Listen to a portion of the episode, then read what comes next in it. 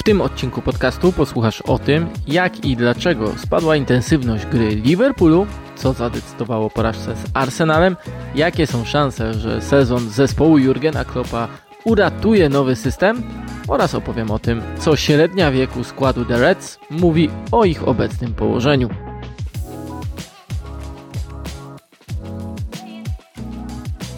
To podcast zachodny do tablicy, który możecie znaleźć na platformach Spotify, YouTube oraz Google, a mnie możecie oglądać tydzień w tydzień w Viaplay.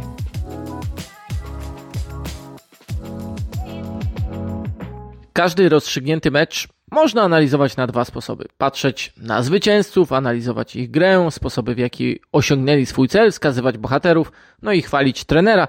Dokładnie tak byłoby z Arsenalem po niedzielnej wygranej z Liverpoolem. Jestem przekonany, że do takich materiałów już dotarliście. Jednak kryzys, co tu dużo mówić, sprzedaje się lepiej. Wystarczy spojrzeć na angielskie portale, gazety i opinie tamtejszych ekspertów, by dostrzec, że to problemy Jurgena Kloppa są tematem numer jeden. W tym odcinku z jednej strony popłynę z tym nurtem, ale postaram się, by ta analiza Liverpoolu była jak najbardziej rzeczowa, merytoryczna, a prognoza tego, w jaki sposób Klopp może wyciągnąć zespół z dołka, jak najbardziej realistyczna. Jedno muszę Kloppowi oddać. Jest świetnym diagnostykiem problemów swojej drużyny. Zawsze do tematu podchodzi szczerze, nie chowa się za jednym dobrym okresem w meczu, nazywa zawsze rzeczy po imieniu. Tak było też po porażce z Arsenalem, gdy wskazywał konkretne błędy piłkarzy, ich zaniechanie, niepewność, brak reakcji, nawet mentalne problemy widoczne na boisku. Niemiec potrafi jednocześnie punktować kwestie taktyczne, ale też łączyć je z tym, co w głowach zawodników, bo dokładnie tak jest. Przed spotkaniem Klopp wspominał o tym, że jedno zwycięstwo z Rangersami nie oznacza tego, że odwrócili swoją formę, że już zbudowali momentum na miarę swojego potencjału. Tak samo nie oznaczały tego okresy lepszej gry z Arsenalem, bo zaraz po nich następowało coś, co kasowało dobre wrażenie. Gol Saki tuż przed przerwą, dominacja i kontrola rywali po tym, jak gola strzelił Firmino, a Klopp wreszcie podkreślał, że pstryknięcie palcami nie wystarczy do tego, by odmienić ten sezon Liverpoolu. Żeby jednak do tej zmiany doszło, to potrzebna jest właściwa diagnoza problemów Liverpoolu. Oczywiście, że gdy Klopp mówi, że jego drużyna gra na 97%, a nie na maksimum intensywności, to właśnie wokół tego słowa, określenia skupi się pierwsza część analizy. Zresztą nie będę w tym oryginalny, bo wokół tego już pisano o Liverpoolu, ostatnio choćby na The Athletic, The Analyst, gdzie starano się zdefiniować to, czym intensywność jest. Ja zacząłem od książki Pepa Lindersa, który w zasadzie najlepiej odnosi się do kwestii, a sam Holender, asystent Kloppa, powtarza to słowo w zasadzie w każdym rozdziale książki, gdy pisze o grze Liverpoolu. I chyba nie ma na dziś drużyny, która byłaby bardziej związana z tym konkretnym aspektem, czy to ze względu na osobę samego szkoleniowca i to, co reprezentuje, czy też samych piłkarzy i ich styl gry. Czego więc możemy dowiedzieć się z książki Lindersa, co dziś może nam wytłumaczyć problemy Liverpoolu? No to zacznijmy od kwestii podstawowej. Intensywność buduje się na treningach. Futbol totalny Liverpoolu, który Holender definiuje na stronach swojej książki, wynika z tego, co dzieje się na zajęciach. Tam właśnie poprzez stuprocentowe zaangażowanie piłkarzy wykuwa się to, co było przez lata zmorą rywali Liverpoolu. Intensywność oraz organizacja pressingu The Reds. Wiemy o tym, że Klopp wskazuje napięty terminarz jako jedno z najważniejszych zagrożeń w ogóle dla futbolu ale wynika to także z tego, jak on patrzy na piłkę i jak ona według niego powinna wyglądać. Jest to logiczne, im więcej czasu drużyny będą miały na trenowanie, tym lepiej będą się prezentować. Mają wtedy czas, by się rozwijać, tak indywidualnie, jak i kolektywnie. Obecnie nie ma na to miejsca. Kierat meczowy nie wybacza przesadnych obciążeń treningowych, a sytuacja jest oczywiście identyczna dla innych wielkich drużyn – ale nie może dziwić to, że Liverpool i jego styl gry cierpi na tym, no nieco bardziej, właśnie przez to, ile znaczy dla nich każdy brakujący procent intensywności. Dołek Liverpoolu jest o tyle zastanawiający, że przecież nie wynika z ubytków jakościowych jak dwa sezony temu. Wtedy problemy dotyczyły głównie obsady środka obrony, a teraz wątpliwości, szybkości i zdecydowania w działaniu tych piłkarzy, których od dłuższego czasu ma do dyspozycji Klopp. Starałem się więc znaleźć odpowiedź w statystykach, zwłaszcza w tych pressingowych, by zrozumieć, co jest nie tak. Na pewno można dostrzec dwa aspekty wpływające na to, co dzieje się z pressingiem Liverpoolu. Rzadziej do niego dochodzi oraz jest on mniej intensywny. Przykładowo, najniższy wynik popełnianych fauli w ostatnich trzech sezonach Liverpoolu można interpretować jako brak wystarczającej agresywności ofensywnych zawodników. Jednak bardziej zastanowił mnie najgorszy od 2018 roku wynik doskoków pressingowych w strefie ataku. Porównując z sezonem mistrzowskim, to tych działań pod polem karnym rywala jest obecnie o średnio ponad o 10 mniej niż wtedy. Pamiętajmy jednak, że to była skrajna sytuacja. Liverpool miał czas na trening fizyczny w trakcie sezonu. Oczywiście ze względu na pandemię. Po prostu zrobił się dodatkowy okres przygotowawczy, tylko że indywidualny. Klopp wiele razy wspominał o tym, jak intensywna była ta praca, jak wielu zawodników skorzystało, budując siłę, która później przyczyniła się do świetnego finiszu w naprędce kończonym sezonie. Co więcej, odkąd portal FBref udostępnia dane skoków pressingowych z Premier League, to Liverpool był zawsze na pierwszym miejscu tej klasyfikacji. Pięć sezonów z rzędu. Ale w obecnych rozgrywkach jest już szósty. Za City, za Chelsea, za Leeds, za Newcastle i za Brighton. W poprzednich trzech sezonach znalazłem tylko 8 spotkań z niższymi wynikami skoków pressingowych w strefie ataku niż w tym jednym meczu z Arsenalem. Nie zdarzały się takie spotkania z czołówką Premier League, co brzmi dosyć niepokojąco w kontekście zbliżającego się meczu z Manchesterem City. Tu znów chciałbym wrócić do książki Lindersa, ponieważ już w jednym z pierwszych rozdziałów, gdy Holender pisze o stylu gry, futbolu totalnym Liverpoolu, to według mnie definiuje też obecne problemy tego zespołu. Pisze on, że gra bez piłki jest kluczowym składnikiem całości, że im lepszy Liverpool jest w tych 30% czasu gry, gdy piłkę ma rywal, tym więcej swobody i pewności siebie ma w realizowaniu futbolu ofensywnego. Sztab Klopa więc wierzy, że w tych 30% odróżnia się od reszty drużyn właśnie dzięki intensywności oraz spójności działania. Dlatego też wrażenie, że na braku właściwej intensywności, spójności pressingu cierpi też gra ofensywna jest bardzo zasadne. Bardzo niski wynik doskoków pressingowych w strefie obrony Arsenalu wpłynął więc na to, że Liverpool zaliczył bardzo niski wynik kontaktów z piłką w polu karnym przeciwnika. Warto zauważyć, skąd biorą się problemy Liverpoolu, bo wcale nie musi to wynikać z tego, że źle w pressingu wyglądają atakujący. Raczej problem może być gdzie indziej. Patrzę zwłaszcza na środek pola, gdzie od początku sezonu były jakieś problemy, zmiany, a najbardziej na tym wszystkim zdaje się, że ucierpiał Fabinho. Linders e, również wyróżnia tego zawodnika w swojej książce jako kluczowego dla zespołu. Nazywa go latarnią, która kieruje organizacją zespołu właśnie w tych 30% czasu bez piłki. W 4-3-3 Liverpoolu on był tym, który kontrolował przestrzeń kluczową dla zatrzymywania kontr przeciwnika. W tym sezonie Fabinho jednak notuje mniej przechwytów, mniej odbiorów niż w poprzednich latach, gdy był przecież kluczową postacią drugiej linii, ale też kluczową postacią dla tego, jak prowadzony był pressing Liverpoolu. A o tym, że Brazylijczyk cierpi obecnie na spadek formy, świadczy choćby to, że bez niego rozpoczynał zespół e, dwa ostatnie mecze, a gdy już Klopp posłał go na boisko z Arsenalem, to wcale nie okazał się jakimkolwiek rozwiązaniem problemów. Linders zauważa też, że przed poprzednim sezonem sztab Kloppa zakładał, że gole strzelane z pressingu i kontrpressingu będą stanowiły o bardzo istotnej różnicy w zdobytych punktach. I tak faktycznie było. Nikt nie odzyskiwał więcej piłek w strefie wysokiej, nikt nie oddał większej liczby strzałów i nikt nie zdobył większej liczby bramek z takich sytuacji od Liverpoolu. Jednak w tym sezonie zapaść jest widoczna również i tutaj.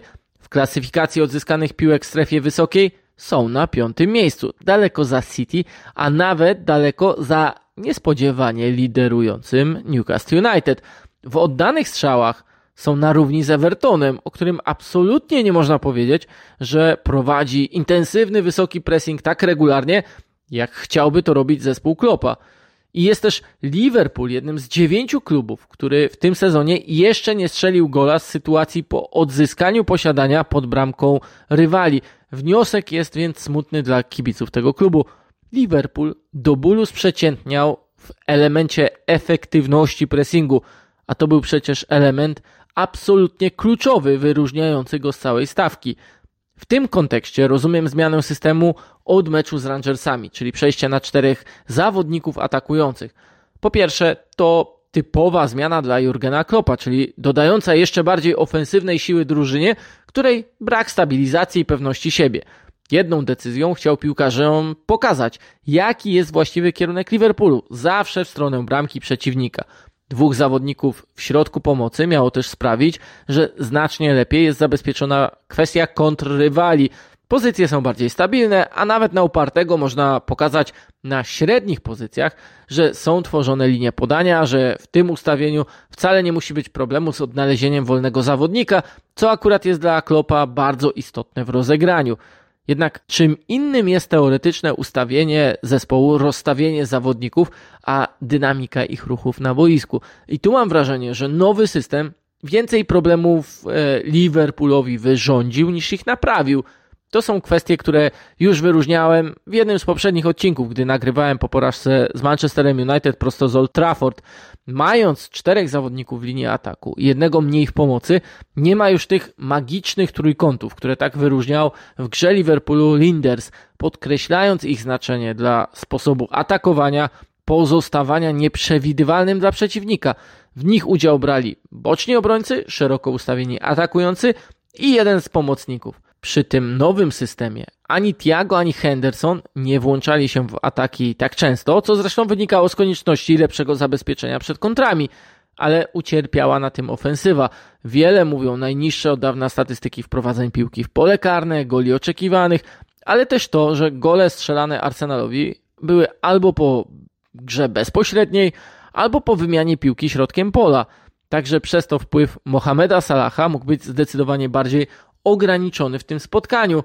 Zresztą Liverpool zaczął mecz z Arsenalem od gry dłuższymi podaniami, od szukania zagrań, które niekoniecznie były typowe dla drużyny Klopa, tak jakby chcieli uniknąć pressingu Arsenalu, ale też szybciej przenosić ataki pod bramkę przeciwnika, pod linię obrony przeciwnika, tam szybciej zbierać drugą piłkę i po prostu zyskać na dynamice, angażując czwórkę atakujących ale zemściło się to już w pierwszej minucie, kiedy Arsenal odzyskał posiadanie i szybkim atakiem odpowiedział na tę próbę Liverpoolu. Goście wciąż swojego systemu i sposobu nie zmienili. W kwadrans, uwierzcie, niemal co piąte ich podanie było klasyfikowane przez statystyków jako długie. Tak jakby Liverpool chciał podzielić Arsenal na dwa zespoły, ofensywę i defensywę, ale wówczas musieliby nadążać za tymi piłkami posyłanymi górą, skracać odpowiednio pole gry, no, co wiemy, że nie do końca Liverpoolowi wychodziło. Dziwne były też zmiany Klopa. Kończenie spotkania e, z Hendersonem oraz Elliotem na skrzydle, no to był sygnał, że on ciągle łatał pewne problemy, a nie starał się coś zmienić na korzyść. Powtarzał też po meczu, że nie rozumie sytuacji, w jakich jego zespół nie był w stanie wybić piłki, oddalić zagrożenia, a fakt, że w ostatnich kilkudziesięciu minutach byli w stanie oddać tylko dwa zablokowane strzały za pola karnego, zanotować tylko kilka kontaktów z piłką w tej najważniejszej ze stref, Trudno nie wiązać tego z taktyką, ale i z kwestią, która jest równie istotna w funkcjonowaniu drużyny, a więc z dobrą energią. Pozwolę sobie zacytować jeszcze Jurgena Kloppa z książki Lindersa, który przywoływał wypowiedź Niemca sprzed jednego ze spotkań. Klopp powiedział wówczas, że kiedy chcesz ewoluować jako zespół, to zawsze musisz budować na tym, co już osiągnąłeś, być stałym w przekazie do drużyny. Dlaczego bowiem wygrywa się mecze? Bo wykonuje się na tyle właściwych ruchów, że rywal jest zdominowany nawet wtedy, gdy ma piłkę. Twoja defensywa jest wtedy zorganizowana, ma plan na zabieranie opcji przeciwnikowi. Ten plan zmienia się w detalach z meczu na mecz, a burzenie koncepcji rywala odbiera mu pewność siebie, nam, czyli zespołowi Jurgena Kloppa, dając lepsze samopoczucie. Koniec cytatu. Ten etap już przeszli rywale Liverpoolu. Ci sami, którzy jeszcze w poprzednim sezonie mieli ogromny problem z przedostaniem się pod bramkę Alisona, teraz nabierają przekonania, że można Liverpoolowi zaszkodzić, że jego zawodnicy są wolniejsi, mniej pewni swego. Stąd The Reds są drużyną, przeciw której rywale zdecydowanie częściej podejmują się driblingów. Częściej jedynie w meczach z Leeds United i nie ma w tym przypadku. Po prostu trzeba czegoś wyjątkowego, by wyswobodzić się spod intensywnego pressingu. Ale przeciwko Liverpoolowi udaje się bardzo często. Ta skuteczność jest na czwartym najwyższym poziomie w Premier League. Efektem tego choćby fakt, że rywale Liverpoolu są na czwartym miejscu w klasyfikacji wprowadzeń piłki w pole karne drużyny Jurgena Kloppa. Brzmi to coraz gorzej, więc skończę z tymi statystykami. Jest jeszcze jedna kwestia, którą chciałem poruszyć, bo wydała mi się ciekawa. Poprzedni sezon był dla Liverpoolu wyniszczający. Zwracał na to ostatnio uwagę Jonathan Wilson, że oprócz 63 spotkań, rozegrania wszystkich możliwych meczów we wszystkich możliwych rozgrywkach, to końcowi towarzyszyło pewne rozczarowanie. Zostały na pocieszenie tylko dwa zdobyte krajowe puchary, celebrowane z pompą na ulicach Liverpoolu, lecz nie sposób myśleć o zawodzie piłkarzy, o niepowodzeniu z Realem, o zagraniu tego finałowego meczu poniżej poziomu Liverpoolu, ale też było o utracie mistrzostwa, gdy Manchester City przegrywał już przecież dwiema bramkami za Aston na samym finiszu. Takie detale, z którymi chyba niełatwo się pogodzić, może wyłącznie z dalszej perspektywy. Zwłaszcza w sytuacji, gdy piłkarze mogli zacząć dostrzegać coraz bardziej uderzający aspekt tego zespołu Liverpoolu. Jest on na końcu pewnego cyklu. Cyklu wielkich sukcesów, wyników, ale z potrzebą nowej energii, dodania nowej energii. Niech znów powiedzą wszystko statystyki. Według Y-Scout średni wiek składu Liverpoolu jest trzecim najstarszym w Premier League. Pamiętamy, że na start sezonu z Fulham klub wystawił jedenastkę o średniej wieku powyżej 29 lat, że było w niej sześciu trzydziestolatków, że jest to starsza drużyna niż ta z okresu mistrzostwa. W ostatnim czasie mówiło się też wiele o siedmioletnim cyklu Klopa w kontekście Mainz, Borusi, ale każda z tych sytuacji jest unikatowa. W przypadku Liverpoolu nawet skrajnie inna niż w Dortmundzie, gdzie zmęczony był sam szkoleniowiec, pozbawiony celu przez to, jak zabierano mu najlepszych zawodników, najlepszego napastnika. Tymczasem w Liverpoolu on właśnie dostał dziewiątkę, którą od początku chciał. Nawiasem mówiąc, to Darwin Nunes należał do najlepszych z drużyny, która przegrała z Arsenalem. Właśnie Arsenalem, który był o niemal 4 lata młodszy od Liverpoolu. Średnio oczywiście. Właśnie Arsenalem, który był średnio o niemal 4 lata młodszy od Liverpoolu. Widać było inną energię bijącą od zespołu Artety. Jednak cztery sezony temu to Arsenal był zespołem o wyższej średniej wieku całego składu, starszym od Liverpoolu. Sukcesywnie jednak odmładzano drużynę. Ostatnie trzy sezony to już pierwsze miejsce w klasyfikacji pod względem najniższej średniej wieku. Liverpool może nie szedł w tym przeciwnym kierunku, bo jego średnia też spadała, ale nie podążał tak zdecydowanie z trendem, który wskazywała cała liga. I by to zrozumieć, trzeba cofnąć się do skutków przerwy pandemicznej. Wówczas, tak jak mówiłem, Liverpool na niej skorzystał. Wygrał mistrzostwo, no, choć przy pustych trybunach. Zaliczył mocny finisz, ale to punktowanie jesienią i wczesną zimą było kluczowe.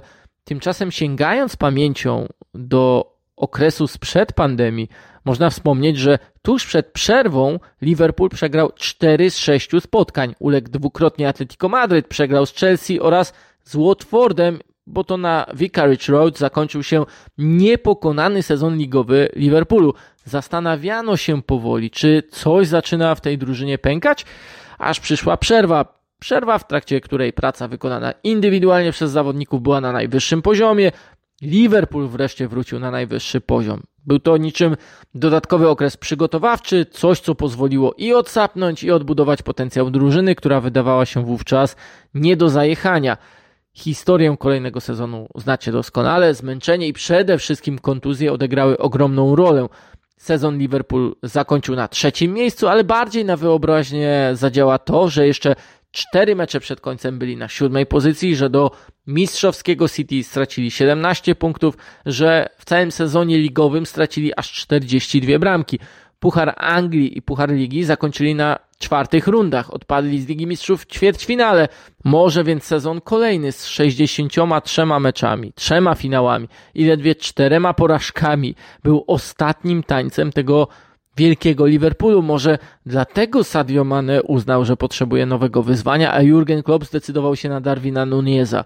To nieznacznie odmłodziło drużynę, choć zdarzają się takie mecze jak derby Merseyside, gdzie średnia wieku wynosiła nieco ponad 25 lat, e, także za sprawą obecności w wyjściowym składzie Harveya Eliota oraz Fabio Carvalho, gdzie w tej energii może było trochę więcej, no ale bez efektów. Jednak głównie Liverpool wygląda na nie tak świeży jak w poprzednich latach.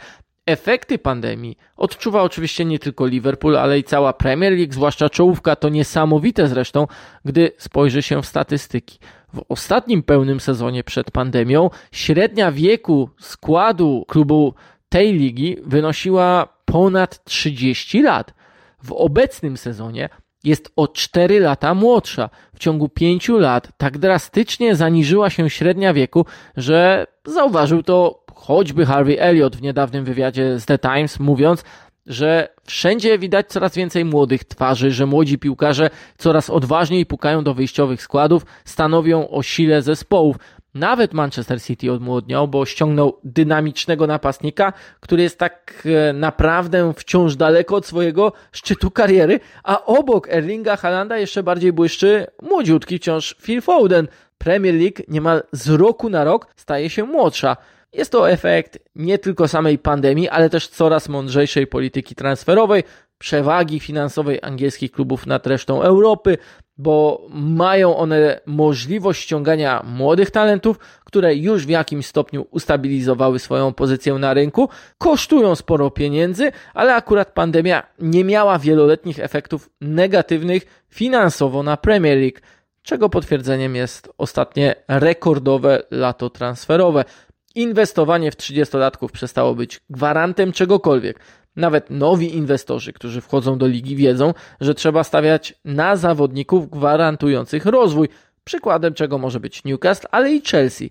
Jednak w ostatniej dekadzie przewodnikiem w tej klasyfikacji najniższej średniej wieku transferów był Liverpool.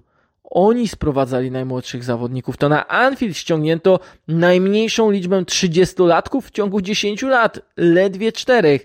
Dlaczego więc efekt takiej polityki transferowej nie jest jeszcze odczuwalny na pierwszym składzie, który z bycia w czołówce najmłodszych w pierwszych sezonach Klopa jest teraz na drugim końcu tej klasyfikacji z Arsenalem. Znów na boisko wybiegło sześciu trzydziestolatków. Po stronie rywali tylko jeden, Granit Szaka, który także, nawiasem mówiąc, wygląda na odmłodzonego przez kolegów i system Mikela Artety. O zawodnikach Liverpoolu nie można tak powiedzieć. E, Choć coraz większą rolę miał odgrywać wspomniany Elliot, rozwijać e, się powinien Alexander Arnold, a w ofensywie pod nieobecność Mane błyszczeć mieli Żota i Nunez. O tym drugim mówił ostatnio Klopp, że może podobnie jak Firmino, to dobrze, że nie rozumie ani trochę niemieckiego szkoleniowca, choć pewnie on sam tak skrycie wolałby mieć większy wpływ na jego rozwój. Pytanie więc, w jakiej części ten skład wymaga odmłodzenia? Czy problem jest wyłącznie w drugiej linii, która ostatnio składa się z Tiago i Hendersona, a kontuzje Nabiego Katy czy Curtisa Jonesa hamują możliwy rozwój tych zawodników i ich ról w Liverpoolu. Może nawet hamują sam rozwój Liverpoolu. Czy może to zmęczenie Salaha, choć o nim akurat Klopp mówił, że latem odpoczął, że miał specjalny tryb przygotowań, by zaliczyć kolejny świetny sezon, który no po prostu na razie się nie spełnia.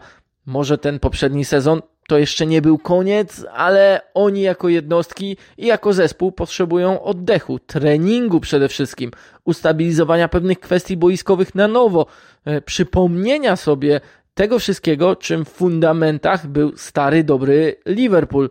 To jednak wciąż tylko diagnoza problemów Liverpoolu, a Klopp musi w tym napiętym terminarzu szukać rozwiązań tu i teraz.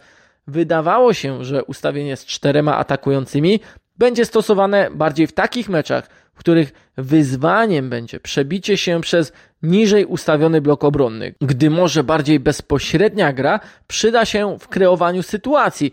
Tymczasem Arsenal szybko zweryfikował wiele z tych założeń, Owszem, Gabriel popełnił błąd przy długim podaniu, a gra przez środek z dodatkowym zawodnikiem między strefami, e, między liniami obrony i pomocy przyniosła efekt, lecz patrzenie na dwa gole w obliczu wielu niedociągnięć, braku kontroli, braku reakcji Liverpoolu byłoby błędem. System może nie zawiódł, ale wykonawcy nie zrobili wystarczająco dużo, by przekonać Klopa lub samych kibiców, że to właściwa droga w przyszłość. Zwłaszcza jeśli ta najbliższa przyszłość to między innymi mecz z Manchesterem City. Co ciekawe, zdarzyło się już, by na tego rywala Klopp posłał zespół z czterema atakującymi.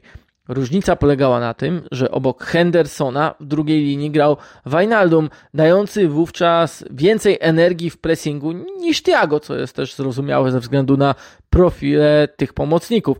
Ale w innym miejscu byli też Salah, Liverpool miał wówczas Mane. Do tamtego meczu w listopadzie 2020 roku Liverpool przystępował z lepszym bilansem otwarcia sezonu od City – lecz wkrótce to się miało wszystko znów posypać. To zupełnie inny moment, głównie ze względu na to, co dzieje się w środku drużyny Klopa. Ostatni raz, wracając do książki Lindersa, w niej pada stwierdzenie, że ewolucja drużyny musi przebiegać przy otwartych głowach zawodników.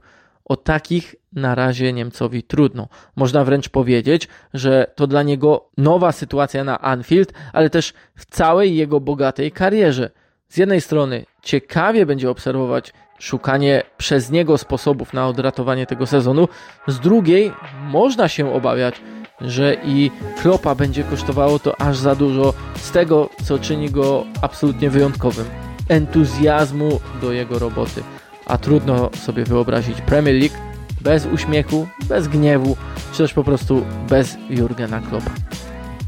Dzięki za przesłuchanie tego odcinka podcastu. Będę wdzięczny za pozostawienie polubienia, komentarza, podanie nagrania dalej i subskrypcję któregokolwiek z moich kanałów. Dzięki i do usłyszenia.